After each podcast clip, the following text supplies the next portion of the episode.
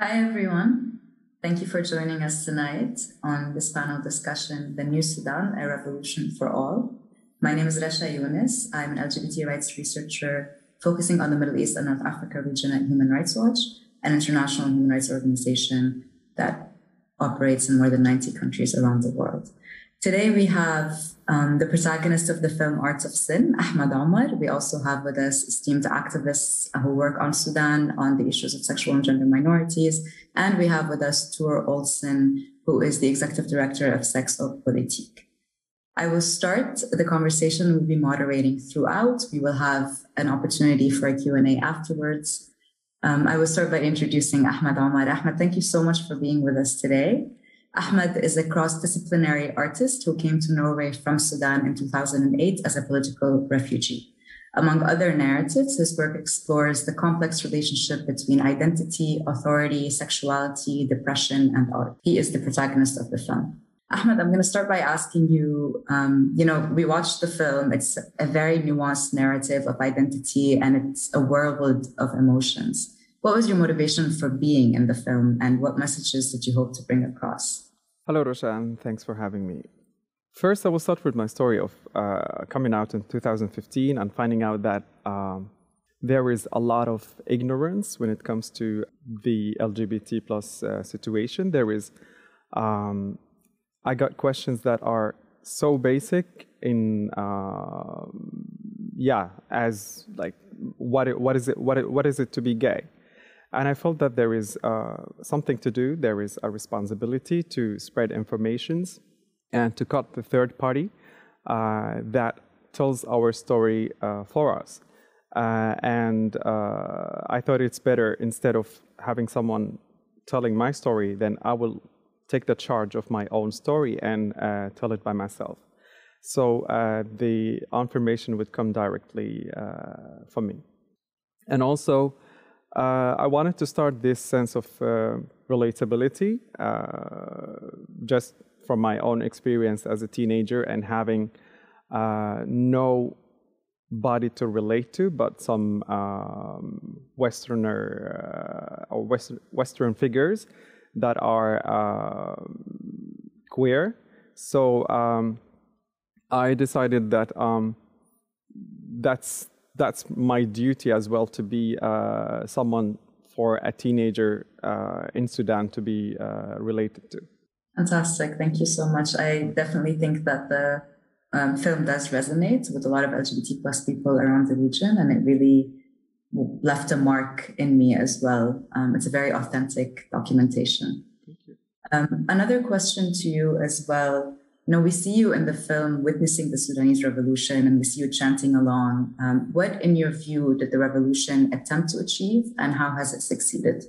The revolution was a dream for uh, especially our generation, the generation that have had the possibility to see the world through internet and uh, to have the also the possibility to um, to say to say no.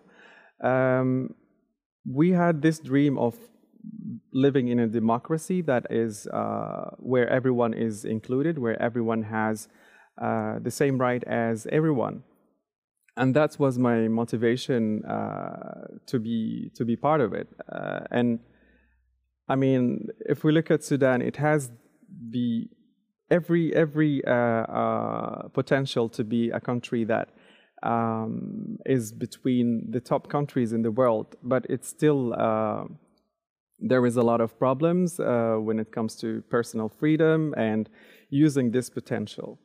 And also, democracy is not uh, is not is not free. It, it, it comes with a cost. It comes with the cost that uh, of accepting other other people's existence. So uh, I thought that. Um, if we are coming all together in a democracy, then uh, I want to grant my my space as well, and uh, people of Sudan as well should should should also know that we exist and uh, we demand our rights, and we have um, the same right to be as everyone else. And when it comes to um, what did it uh, achieve? Um, until now, there is some some some some spaces for freedom, but it's um, it is. Uh, I think it's a little bit risky uh, because with the with the space with the space that we got, there is also the space of uh, um, fanatic religious uh, people uh, that came out and uh, spoke against homosexuality, and that led to to an incident that is actually today it's uh, it's a year since it's happened the incident of Abu Hamad uh, that happened after uh, a religious uh, person came out in the markets and uh, started um, motivating people ag against uh, a group of LGBT or gay people who worked in in Abu Hamad and that led to um, the people attacking this uh, this group of guys and uh, murdered two of them um, by stepping on them and stoning them. And it did not only stop on that, but it it have actually uh, went further in um, blocking the graveyard. So uh, the the first one who died uh, would not be buried within uh, the Muslims. So um, there is still a lot to do. There is uh, definitely a, a, collective work that have to be done there. Absolutely. Thank you so much um, for your response and for reminding us of the horrific incident that happened today last year. Um, I will now turn to Noor and Hamada, um, who work on LGBT issues in Sudan and the region. Um, Hamada is the executive director of Shades of Ebony, a Sudan-based LGBT plus rights organization, also a part of the Sudanese SOGI coalition. He is an LGBTQIA plus advocate committed to intersectional activism around sexual and gender diversity. Um, Noor is the executive director of Bedayaa, an LGBTI rights organization working in Egypt and Sudan. She is also the coordinator of the Alliance of Queer Egyptian Organizations. Noor's 10 years experience in advocating for SOGI rights awarded her the Human Rights Prize of the French Republic. Noor and Hamada, I'm going to ask you both um, about the film. First of all, I know you both also took part in the film and played a significant role um, with the filmmaker and Ahmed. What is the significance of this film for you? How do you think it can contribute or it has contributed to positive change in Sudan? Um, yeah, thank you, Rasha. Uh, we are very excited, and I'm personally very excited to be part of this discussion, as I believe it's quite important. And um, as you mentioned, reflecting at the film and, and what was the motivation of participating and being part of this film, and also what is the expectation coming out of it. I think it's very important that, as Ahmed mentioned, to have a role model to know that you're not completely alone, especially in a place that doesn't have enough access, doesn't have enough exposure to ensure that you have um, knowing all the available resources talking about LGBTQI plus individuals to ensure that you do understand that you're not alone and what you are, it's not a sin and it's not a mistake. So this film comes in perfectly to fill this gap, giving a voice, giving a face, giving a name for uh, queer people in Sudan who they can relate to. They know that they are coming from the same background.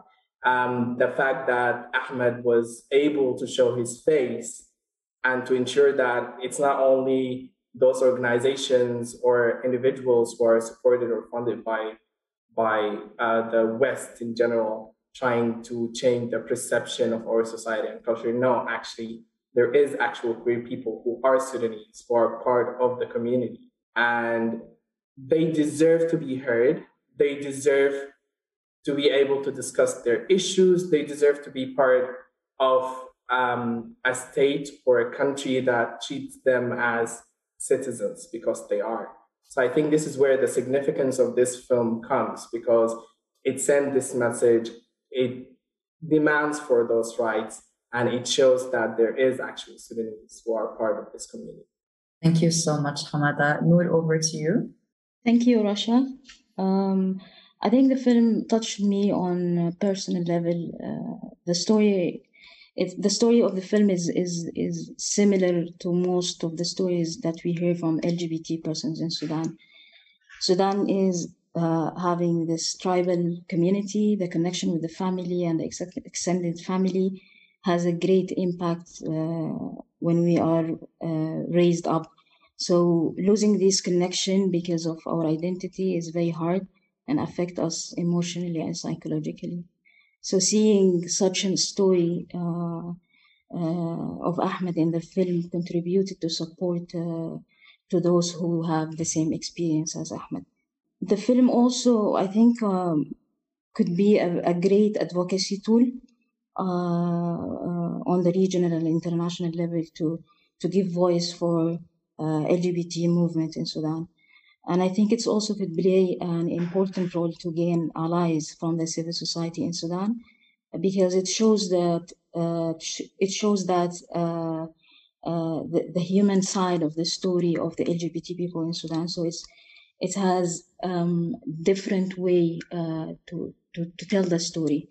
Um, the last thing I think it's it's a good uh, it could have a good and positive impact on on, uh, on mothers who have the same experience uh, with their children as uh, Ahmed had with his mother. So I think it's a, it's a, it, it, it's a very great movie. So thank you, Ahmed, and thank you uh, all the people who have been part of this movie. Thank you both so much. Noor, you mentioned a really important point that we usually rarely talk about on the effects of this work on individuals' mental health and psychological health more generally. Also, the centrality of the family in our region and how um, this film can also contribute to breaking some of those misconceptions and stereotypes around our identities. Hamada, I'm going to turn to you and ask more about the work that you're doing right now in Sudan. Um, in what ways has the human rights situation changed as a consequence of the revolution in Sudan? So, if you can discuss with me kind of the important milestones and challenges specifically on the spaces that have opened up for sexual and gender minorities and individuals working on the rights of sexual and gender minorities in Sudan? Um, thank you, Rasha. I think this is a very important question because just understanding the basic concept that Sudan had been ruled by a regime for over three decades that don't want to even discuss the concept of rights um, can never like for example talking about like sexual and reproductive health and rights it had never uh, looked at it from this concept. It was completely forbidden to publicly announce that you're focusing on something related to bodily rights sexual rights reproductive rights even because like like you only discuss you can discuss it from a concept of reproductive health but that's it knowing that this regime, the idea of it, like this very uh, basically a police state that always watching you carefully, making sure that no one is discussing any of those topics whatsoever. To know that this completely disappeared, or not completely, of course, but at least the threat of it, it's no longer as intense as it used to be. But you know that there is in place right now a civilian government that most of them already are human rights activists and they do advocate uh, and the slogan of the, the period the transitional period is to make the global human rights as the base of the sudanese state this already makes a great impact it makes this psychological effect that at least now we can feel safe to address those topics. The, the even the i can call it the illusion of out of a sudden having more safe spaces where you can operate the fact that there is no one is monitoring every word that coming out of your mouth. So you can slowly start figuring out who are your allies how you can communicate with them. This this is this is a great difference. This is something that we have to be quite aware of looking at the current situation of the human rights movement in sudan in general and specifically the lgbtqi plus rights movement and looking at all those factors, of course, that impact like what what is our uh, expectations and what do we aspire to achieve in this period. Like discussing the situation of the LGBTQI plus uh, community within the movement back like before 2018 is completely from how we are discussing it at this point. We are willing to address issues like repealing the law before we were just discussing to, uh, to stop the death penalty, uh, looking at the possibility of even trying to communicate with the government to, to work on policy advocacy level where uh, more inclusive policies, more anti-discriminatory policies are being in place. This was not something that we would consider three years ago. But it's something that we are actually willing to pursue at this point and willing to plan for it. So just to sum it all, I think the revolution had made a great impact, but also we had bigger expectations. And I wouldn't say that it completely met those expectations. Thank you so much, Hamada. You also touched on a very important point on self-censorship. I think, you know, the need for activists and individuals in the region to censor themselves to begin to give themselves permission to enter the public sphere and how much that hinders the very important work that activists and organizations are doing in the region. So, as you said, kind of having to trespass that and transcend from the private sphere to the public sphere makes a huge difference um, in how we can organize also politically on the ground. You also touched on legislation, and we know um, that the death penalty was abolished across the board in 2020 in Sudan, also for same sex acts, but prison terms increased from minimum five years to seven years. Could you comment on this, specifically on the role of organizations like yours in advocating for these changes behind the scenes and how these amendments were received? Um, absolutely. And I think this is why exactly I was saying that um, we had bigger expectations from, from this government, from this transition period. Um, I think it was that we are trying to look into what kind of layers or what kind of levels we can operate on, because there is a very important demographic, which is the Sudanese public, who you need to communicate with. This is your opportunity to communicate with. This is your opportunity to be more brave, because you are not as censored as you used to be. And you have to address this public to understand that we have participated in this revolution me and many other queer people in Sudan have participated in this revolution. Many Sudanese diaspora like Ahmed around the world have participated in, in the uprisings and in, in the revolution. And as everyone went out to demand their rights, to ensure that their voices are being heard, to ensure that they have access to services, we also have that right. So this is a level of communication that we need to have with the general public, but at the same time, because this is a very unique opportunity and we we cannot we can never make sure that we're going to have this opportunity anytime soon again then we also have to operate on the level of uh, policy advocacy on the decision making level.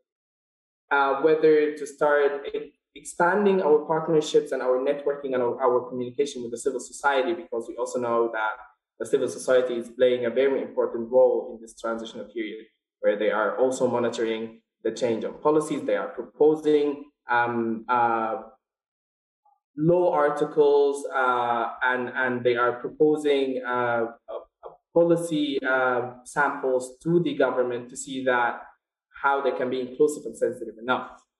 So we need to start working on that level and communicate with our partners, with our allies within the civil society. We also need to start address the government directly, whether on the level of the prime minister or the level of the minister of justice or so on.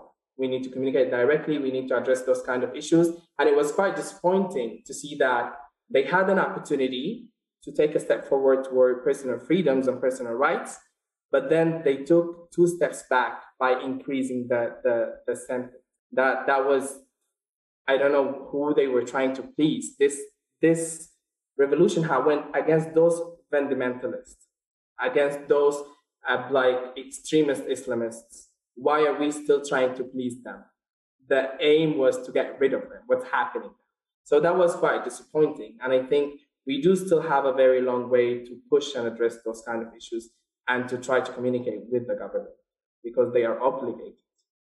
Absolutely. Thank you, Hamada. Noor, I'm also curious, you know, I from hearing from your work on Egypt and Sudan and also hearing from Hamada, it's really impressive how there's an intersectional movement and how civil society is also involved in this movement. And this is sparked by revolutions, of course. So on the streets, when people are demanding human rights for all, of course, this includes queer and trans people as well. So I'm wondering if you, uh, from your end, you know, in, from Egypt, how you received the amendments as well, and how you think this situates, um, you know, the human rights situation around sexual and gender minorities in the region, specifically in contexts like Egypt and Tunisia, which have had their own revolutions. But we also have seen backtracking of human rights more generally and LGBT plus rights more specifically.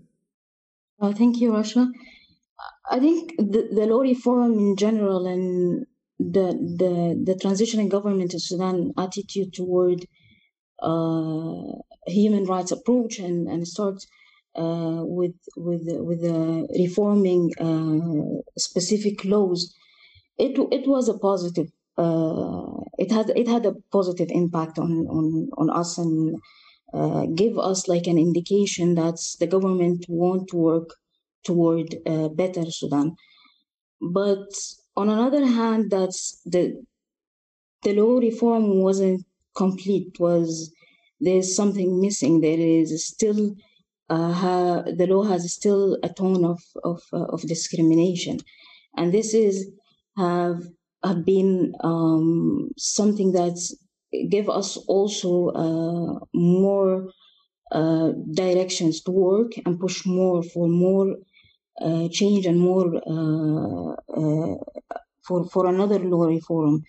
Um, and I think that um, Sudan revolution came came after eight years of the Arab Spring and uh, that happened in 2011 and and this at this time most of human rights activists uh, especially in Egypt and in Tunisia and other countries like Algeria they they they start losing hope in change.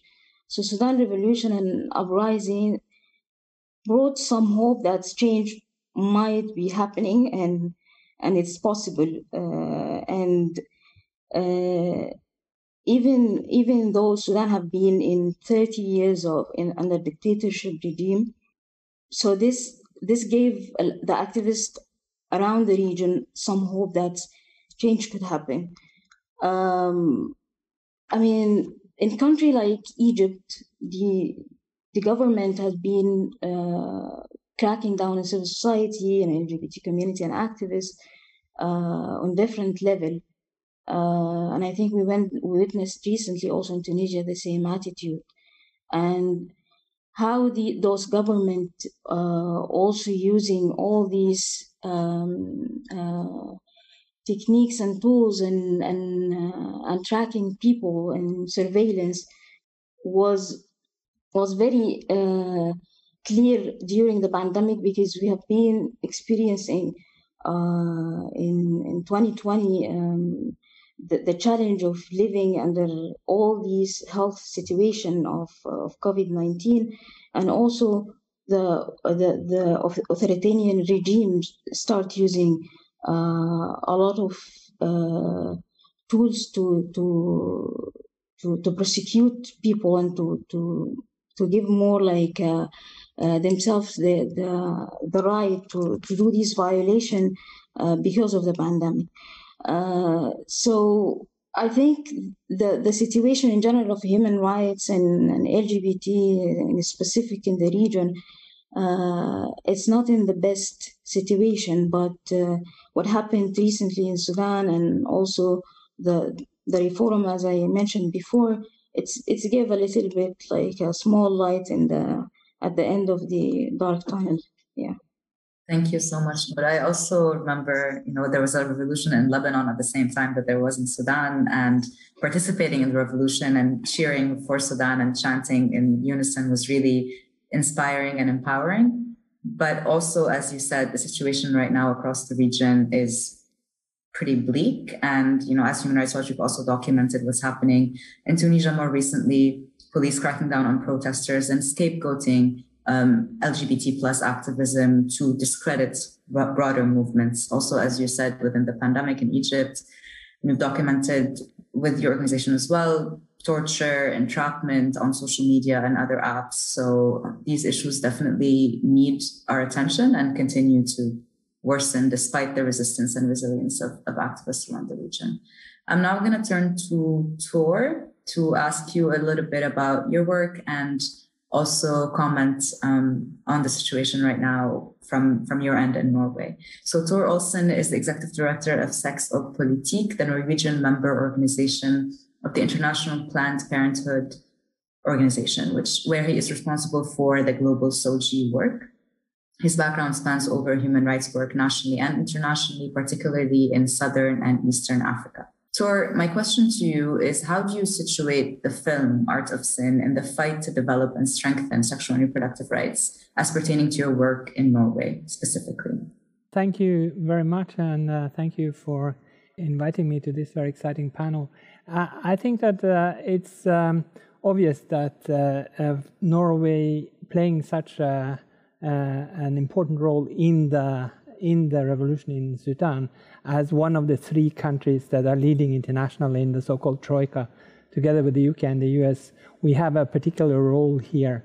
So when uh, Ahmed and uh, film producer Ibrahim came to us uh, uh with the idea of such a film, we thought that was great. So we immediately thought, uh, agreed to to uh, ensure that this film was made and the the usage of the film is obvious. I think, in addition to what is said here, uh, it is also placing uh, placing LGBT rights into a human rights uh, uh, context, because uh, in many places where you see revolutions like the one that we, we witnessed in Sudan, it is not obvious for all the human rights organizations uh, or all the health organizations, as we are a health and human rights organization, that that this is part of uh, part of human rights. This is part of health, uh, and, uh, and particularly important is to have somebody that comes from the region. Uh, we've had a, a marvelous cooperation with them in the production of this film. Uh, and the film company that we use, Skagerrak Film. And uh, uh, I think that this film very well shows the reason why sexual rights must be part of human rights in any revolution, because we find queer people everywhere. Absolutely, thank you. And also, as you said, in revolutions across the region, we've seen how LGBT plus rights have been part and parcel and how this idea that society is not ready to accept LGBT plus people is false because people do join together for the same demands and they're really indispensable and indivisible. I'm going to turn to you, Ahmed, again um, and ask you, since we're talking about the role of different states, what do you think the role of the Sudanese diaspora is in first uplifting voices, but also contributing from your, um, you know, specific position to the movements that are happening locally? Uh, I think it's very. Uh, it it goes hand in hand the the the um, the revolution on place and also in the diaspora and uh, I think um, the role that uh, we all of us uh, Sudanese around the world have played is uh, is not to be ignored and motivating and also um, trying to push the states we, we live in to, to be involved and uh, to be uh, uh, yeah to, to, to, to promote for uh, um, for for equality. Um, yeah so I think it's it's it's it's, it's really uh, an important role. You have mentioned uh, a point that is um, that is quite interesting that um, and I got quite a lot uh, of comments um, through social media that uh, we are not ready for your, kind, the kind uh, of rights that you're demanding. Sudan is not ready for that. Uh, Sudan is uh, is more um, concerned about about like food and fuel and rights for uh, for everyone. And then after we grant this, um, we can think about uh, your kind. And um, yeah, the the answer is like uh, we are also part of part of that, and we are not like um, we're not going to uh, have uh, the crisis of on fuel and health and everything, and also your discrimination uh, against us. Yes, absolutely. Thank you. Yeah, the question that we keep asking, and you know, the women's rights movement also faced this a decade ago and still faces it now, is you know, if not now, when do we fight for these rights? If not within a revolution, when are we going to get the chance to fight for the same rights that everyone else is fighting for? Um, I'm also going to turn back to Hamada and Noor. You know, we've been talking about the positive things. We've been talking about how the Sudanese revolution changed the situation on the ground, but we don't want to paint a picture too rosy. I mean, there are still challenges on the ground, and I'm wondering, from your perspective, even you know, in on your on a personal basis, but also on an organizing basis, what do you think are some of the challenges that you're still facing? How do you feel like you can be supported better both locally, regionally, and internationally? Yeah, I think um, it is very important that we need to remember the fact the fact that this government and for it, like the previous government I'm talking about, that for it to stay for three decades, the influence of the behavior of the government, the influence of the agenda of the government um, will be very apparent on the general public.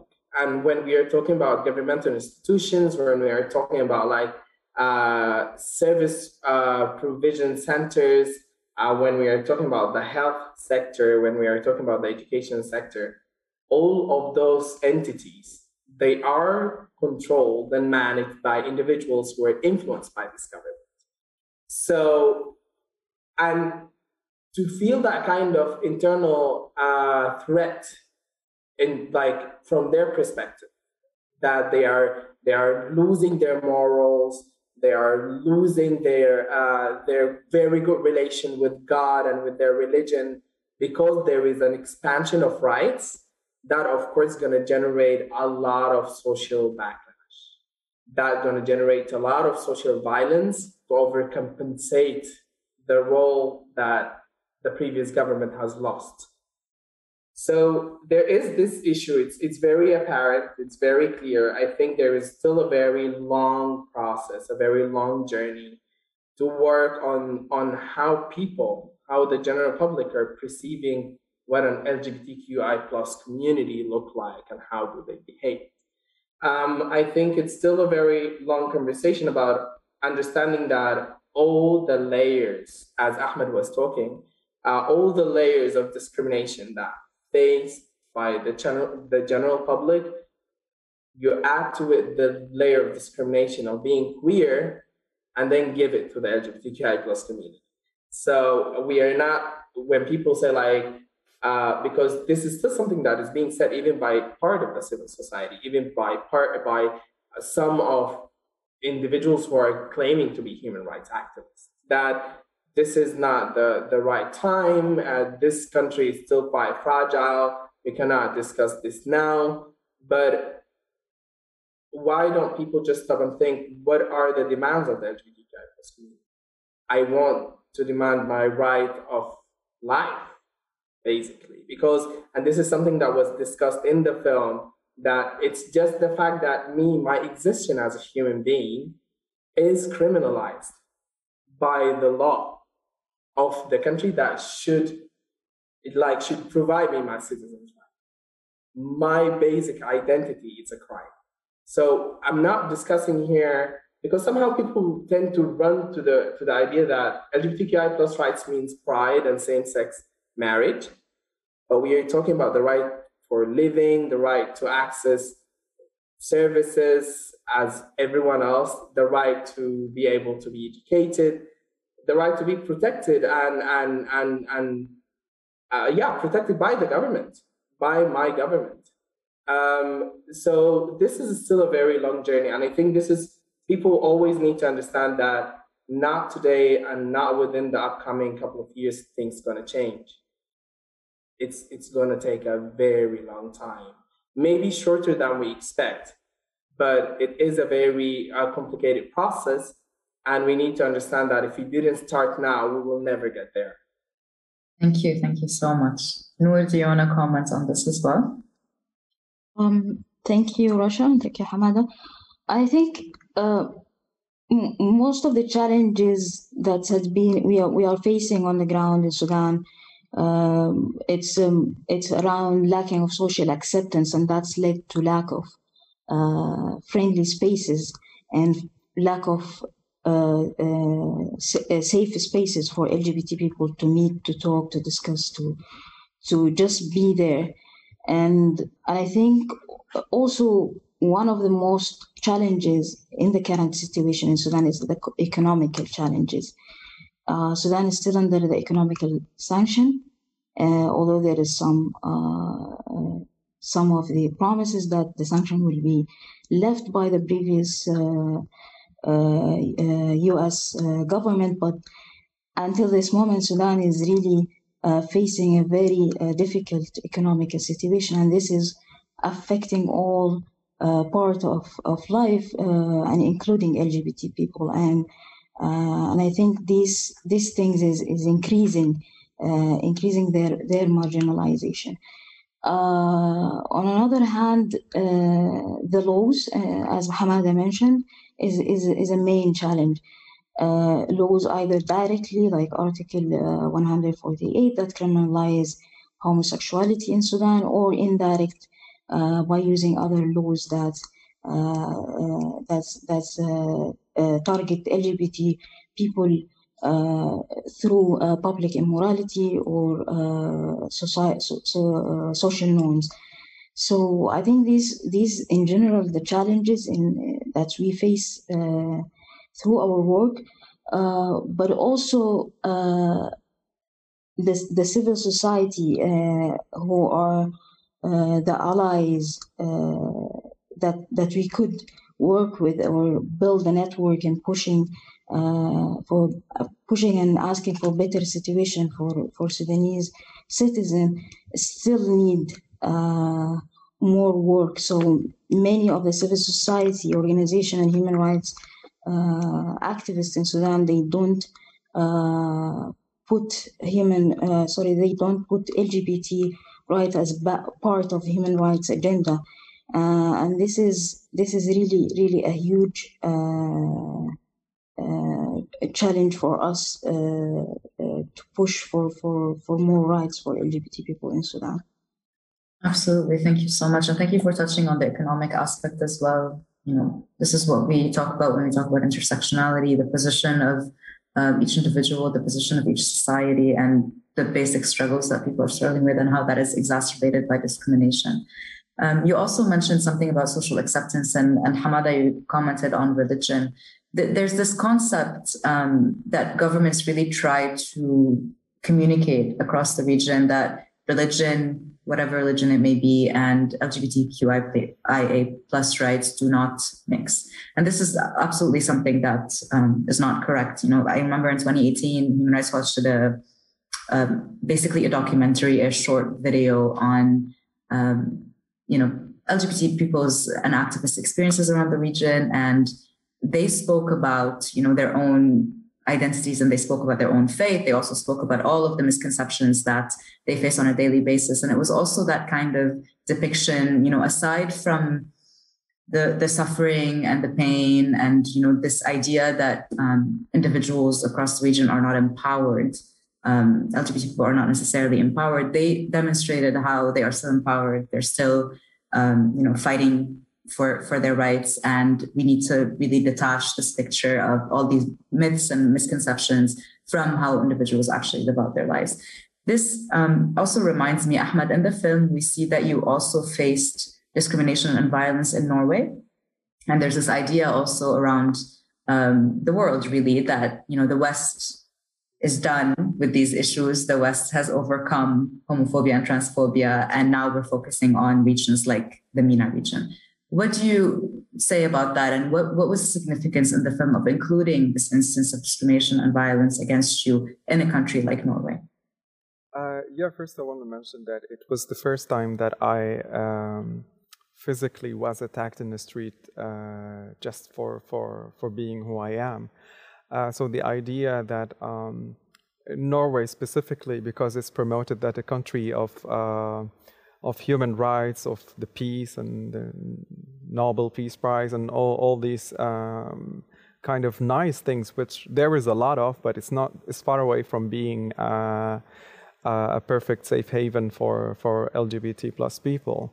So. Um, yeah, it is. There is still a lot of work to do, and uh, the um, the discrimination is.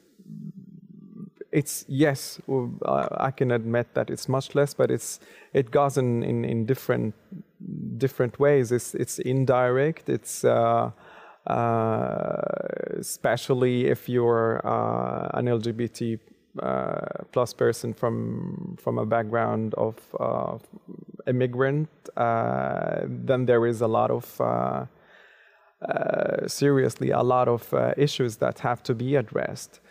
Um, I wanted to add uh, to uh, Hamada and uh, Noor's states that statements that um, there is a project that um, it's a, a, very optimistic project uh, about the change that might happen uh, or that should happen in Sudan. Um, yeah, the change after 30 years, it, it's it's very difficult to uh, to um, to open people's uh, people's eyes to to us and to to, to, to introduce ourselves, but. Uh, hopefully in 2030 uh, we will be having the Nile Pride uh, in the Nile Street in the middle of Khartoum. Uh, so, uh, hand in hand, all together, uh, individuals, organizations, uh, even states, we should work together to make this dream come true. Excellent. I hope to be in that Pride parade in 2030. Um, Sora, I'm going to turn to you. You know, we've heard from the activists on the ground what the challenges remain, and we've also heard how the situation in Norway is also um, always could be bettered. So I'm, I'm wondering from your end, what do you think Norway and more broadly the international community can do better to support activists um, who are working on these very important issues around the region and in Sudan specifically? Thank you. Uh, I think that um, uh, Norway, in, in, particular, has a special role since it has this is one of these chosen three countries from the international community that uh, is negotiating directly with with uh, the different actors in Sudan, and. Um, um, as much as there, of course, also are challenges here, with uh, as there are everywhere, I think that uh, Norway is one of those countries where the population at large uh, expects LGBT rights to be part of human rights, and uh, and there is not really uh, any political opposition to that in Norway, uh, and therefore one would expect that that is also what Norway can bring to the table where they work in other countries, which is not always the case, and therefore it is uh, very good that I when we when we are uh, talking to the government, we can use an example of, of local actors uh, telling their story uh, so as clearly as uh, what we've seen here today, and and like Ahmed does through the film. so so I think that is the main thing. As the international community, I think it's always the issue to ensure that that uh, everybody can see clearly that uh, that uh, LGBTI rights are not special rights or different rights; they are human rights, like any other rights. And I think that's the main thing that we're doing. We're working with with our sister organizations in different countries. Uh, we are in a little bit more than 140 countries around the world, uh, where we have offices and uh, and integrating integrating LGBTI rights into the uh, into the rights picture is not that easy in every country.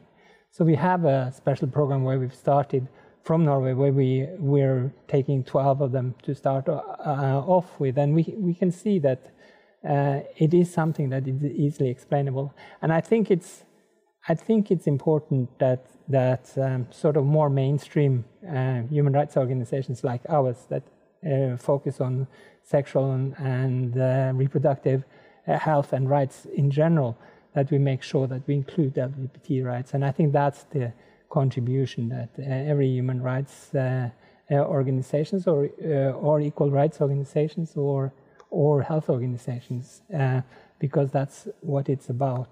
It's not about LGBT rights, it's about health, human rights, equal rights.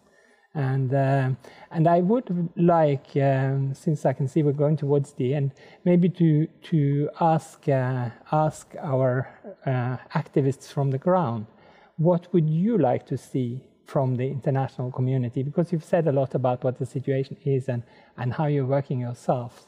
But what is the role that we can play, and particularly in Norway? I mean, most of the audience for this uh, for this uh, talk is a Norwegian audience, since this is a Norwegian film festival. So, so uh, you have a chance to to talk to an audience which is from one of these three international actors that are most important in the Sudanese picture at the moment.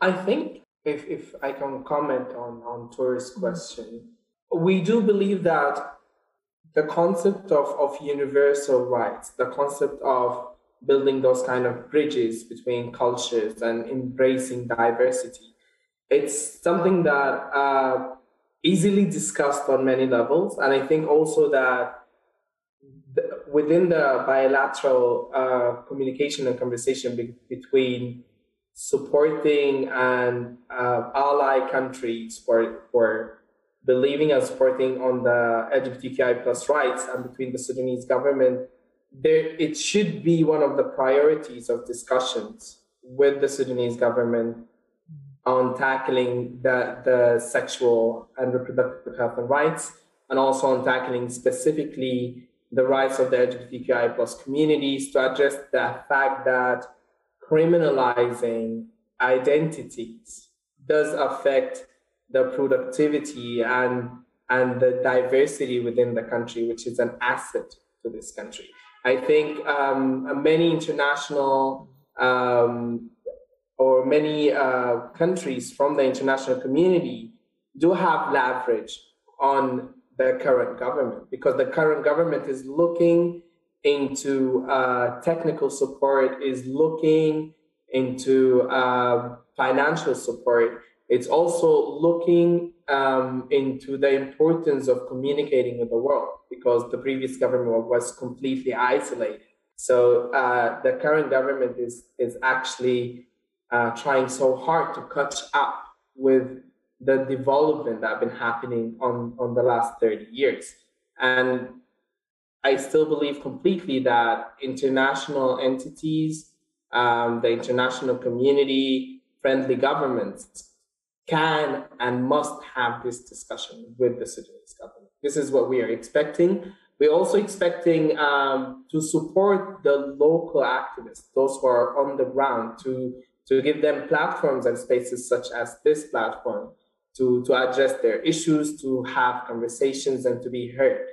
And it's very important to remind all those, um, whether INGOs or UN agencies or uh, countries that want to support that, it's very important to listen to the need of the local activists because they are the ones who are working on the ground. They are the ones who can list their priorities based on the situation.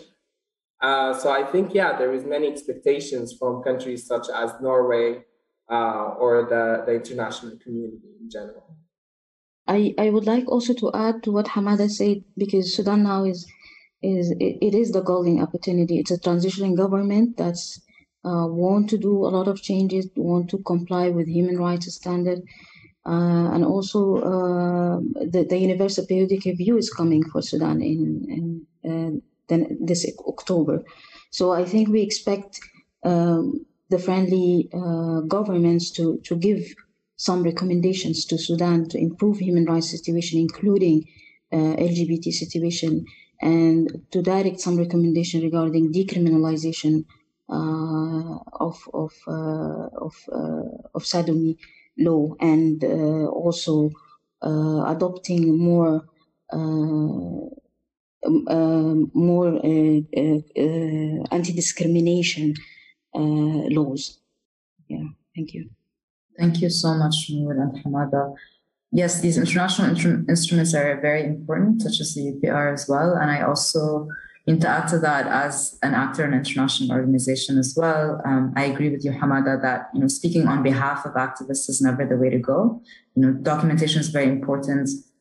Accountability and using our um, reach and our platforms to amplify voices is very important, but it's also very important to include activists on the ground and never to speak on their behalf. Um, if anyone in the audience, we're now opening it up to questions. If anyone in the audience has any questions, please do send them. Um, and we can direct them to the activist or the panelists whom you want to ask the question to. If I may add one thing, Nor, uh, no, sorry, uh, to the to the things that, uh, the the work with the UPR process is important, and I, it's a it's a process that uh, Norway gives big uh, big uh, attention to. So definitely, I think that is something that we can work on.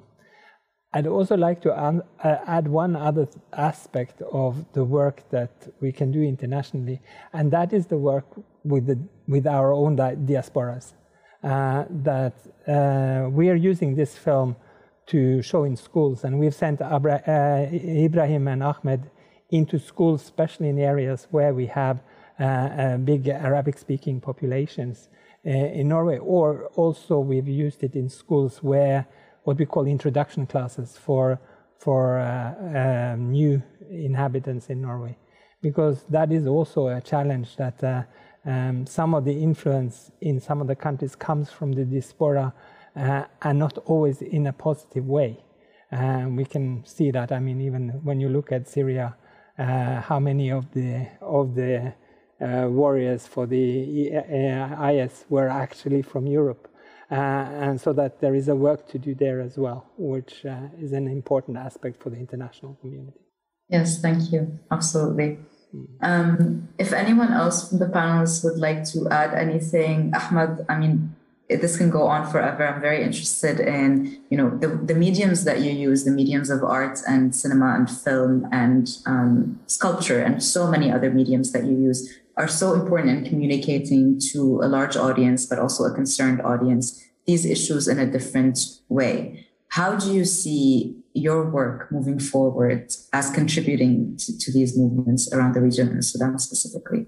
I think what, one, of, one of the things that I'm, i was very much concerned about that uh, I want to um, to work as hard as possible and uh, and also be as successful as I can. So uh, to um, also have this uh, to try to eliminate this this picture or this image that uh, being gay is is not a minus thing, is not a thing that is uh, that can hinder your uh, success or your creativity or being someone uh, important in, in, in where you are.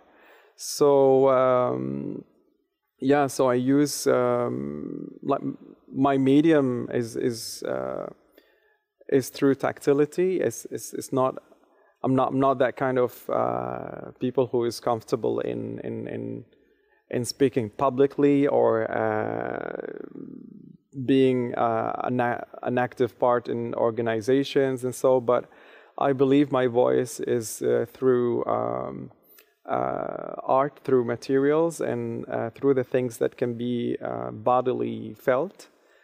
Uh, so, um, yeah, I will do as much as I can in, in, in order for my experience to be uh, as a teenager and feeling alone and feeling that I'm, I'm a cursed uh, human being and I should I'm not worthy of life and I should not be living.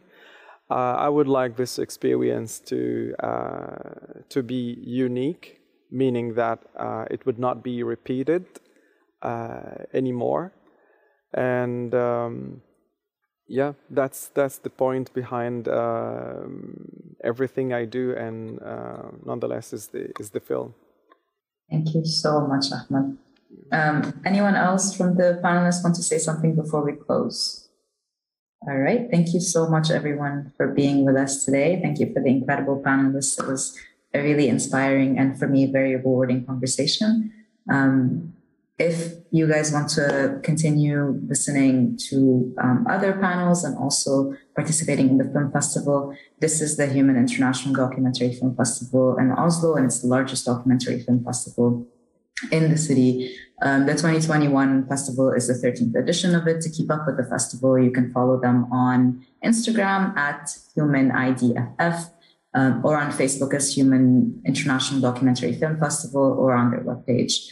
Um, the film Art of Sin will be available on this platform until 14th of March if you are in Norway. Um, thank you all for being with us. Thank you for the panelists again, and I wish you all a wonderful evening.